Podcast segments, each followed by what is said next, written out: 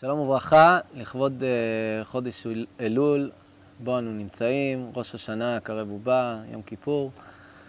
Uh, אנחנו רצינו לעשות איזשהו שיעור קצר יומי באורות התשובה, משהו שנותן טיפה טעימה מהעולם הפנימי של הרב קוק, בתפיסה שלו את התשובה, איזשהו עולם עצום ועשיר, שעוד שנייה נתחיל לדבר עליו. אה, ויש כאן איזושהי הזמנה אה, לעבור תהליך, תהליך שהעם היהודי כל שנה מחדש מבקש לסיים ולחתום איתו את השנה, ומצד שני לפתוח איתו את השנה הקרובה.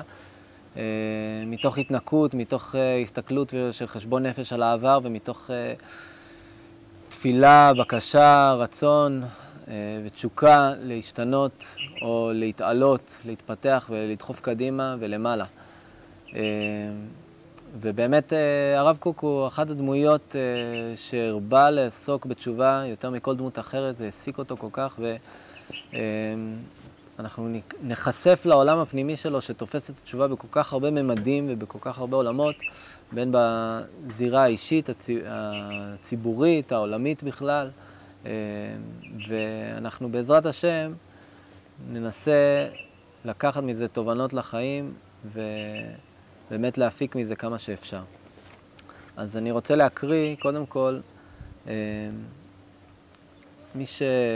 מי שמכיר את הפתיחה של אורות התשובה, אה, הרב קוק מתאר את הדילמה, את המלחמה הפנימית, המאבק הפנימי הזה, בין uh, היראת הרוממות הזאת שהוא חש כלפי התשובה, ומצד שני, את החוסר ברירה שהוא חש ב...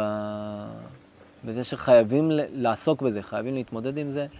ובאמת, אה, כבר, כבר בפתיחה, כבר במבוא של הרב קוק, של הרב קוק לספר הזה, הוא בעצם אה, חושף שהוא רואה בזה את החלק הגדול יותר בתורה ובחיים.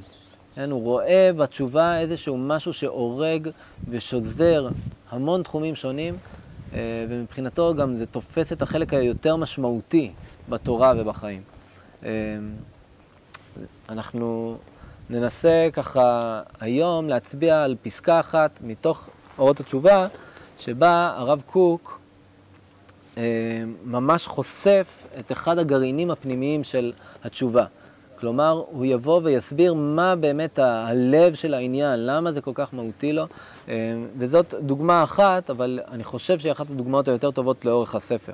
אז אנחנו ניגע היום פרק ט"ו, פסקה ג', שבה הרב קוק אומר כך: החרטה הטבעית הבוערת בלב מתכונתה של התשובה באה מתוך צער הנשמה, שהיא מצטערת מעמידתה על מצב אחד במעלתה, תחת שהייתה צריכה בכל עת לעלות מעלה אחר מעלה, וקל וחומר אם היא מרגשת בעצמה ירידה.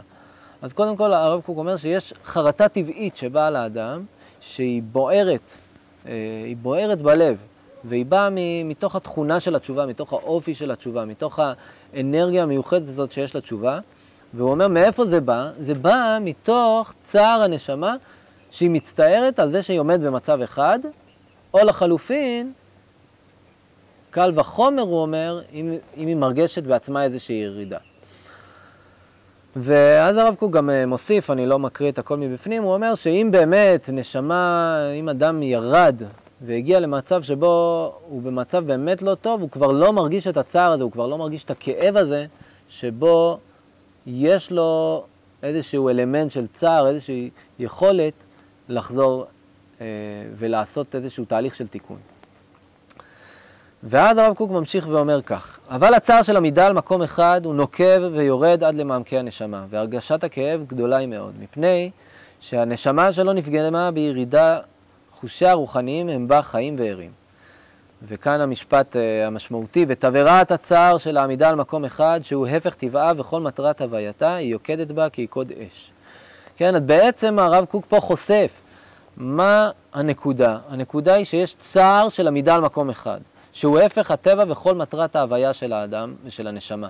לנשמה באופן טבעי, באופן עמוק, הרב קוק מזהה את ה... תכונה של התקדמות, של תנועה מתמדת, של התעלות אינסופית, של משהו שהוא אף פעם לא מפסיק, אף פעם לא נעצר. ועצם העמידה הזאת על מקום אחד, הרב קוק אומר, זה ההפך הגמור של הנשמה. ולכן בעצם הרב קוק כבר מפתח ואומר, זה המקום שמוליד את התשובה, ולכן גם התשובה היא כל כך עמוקה וטבעית לנשמה. כי הנשמה בעצם, בסופו של דבר, כל טבעה ומטרת הווייתה היא ההתעלות הזאת, היא ההשתנות הזאת, היכולת לבוא ולהשתנות, והרצון והתשוקה העמוקה הזאת להשתנות. עד כאן.